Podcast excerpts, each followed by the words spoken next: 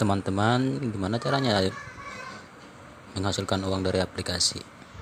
soalnya masih pemula nih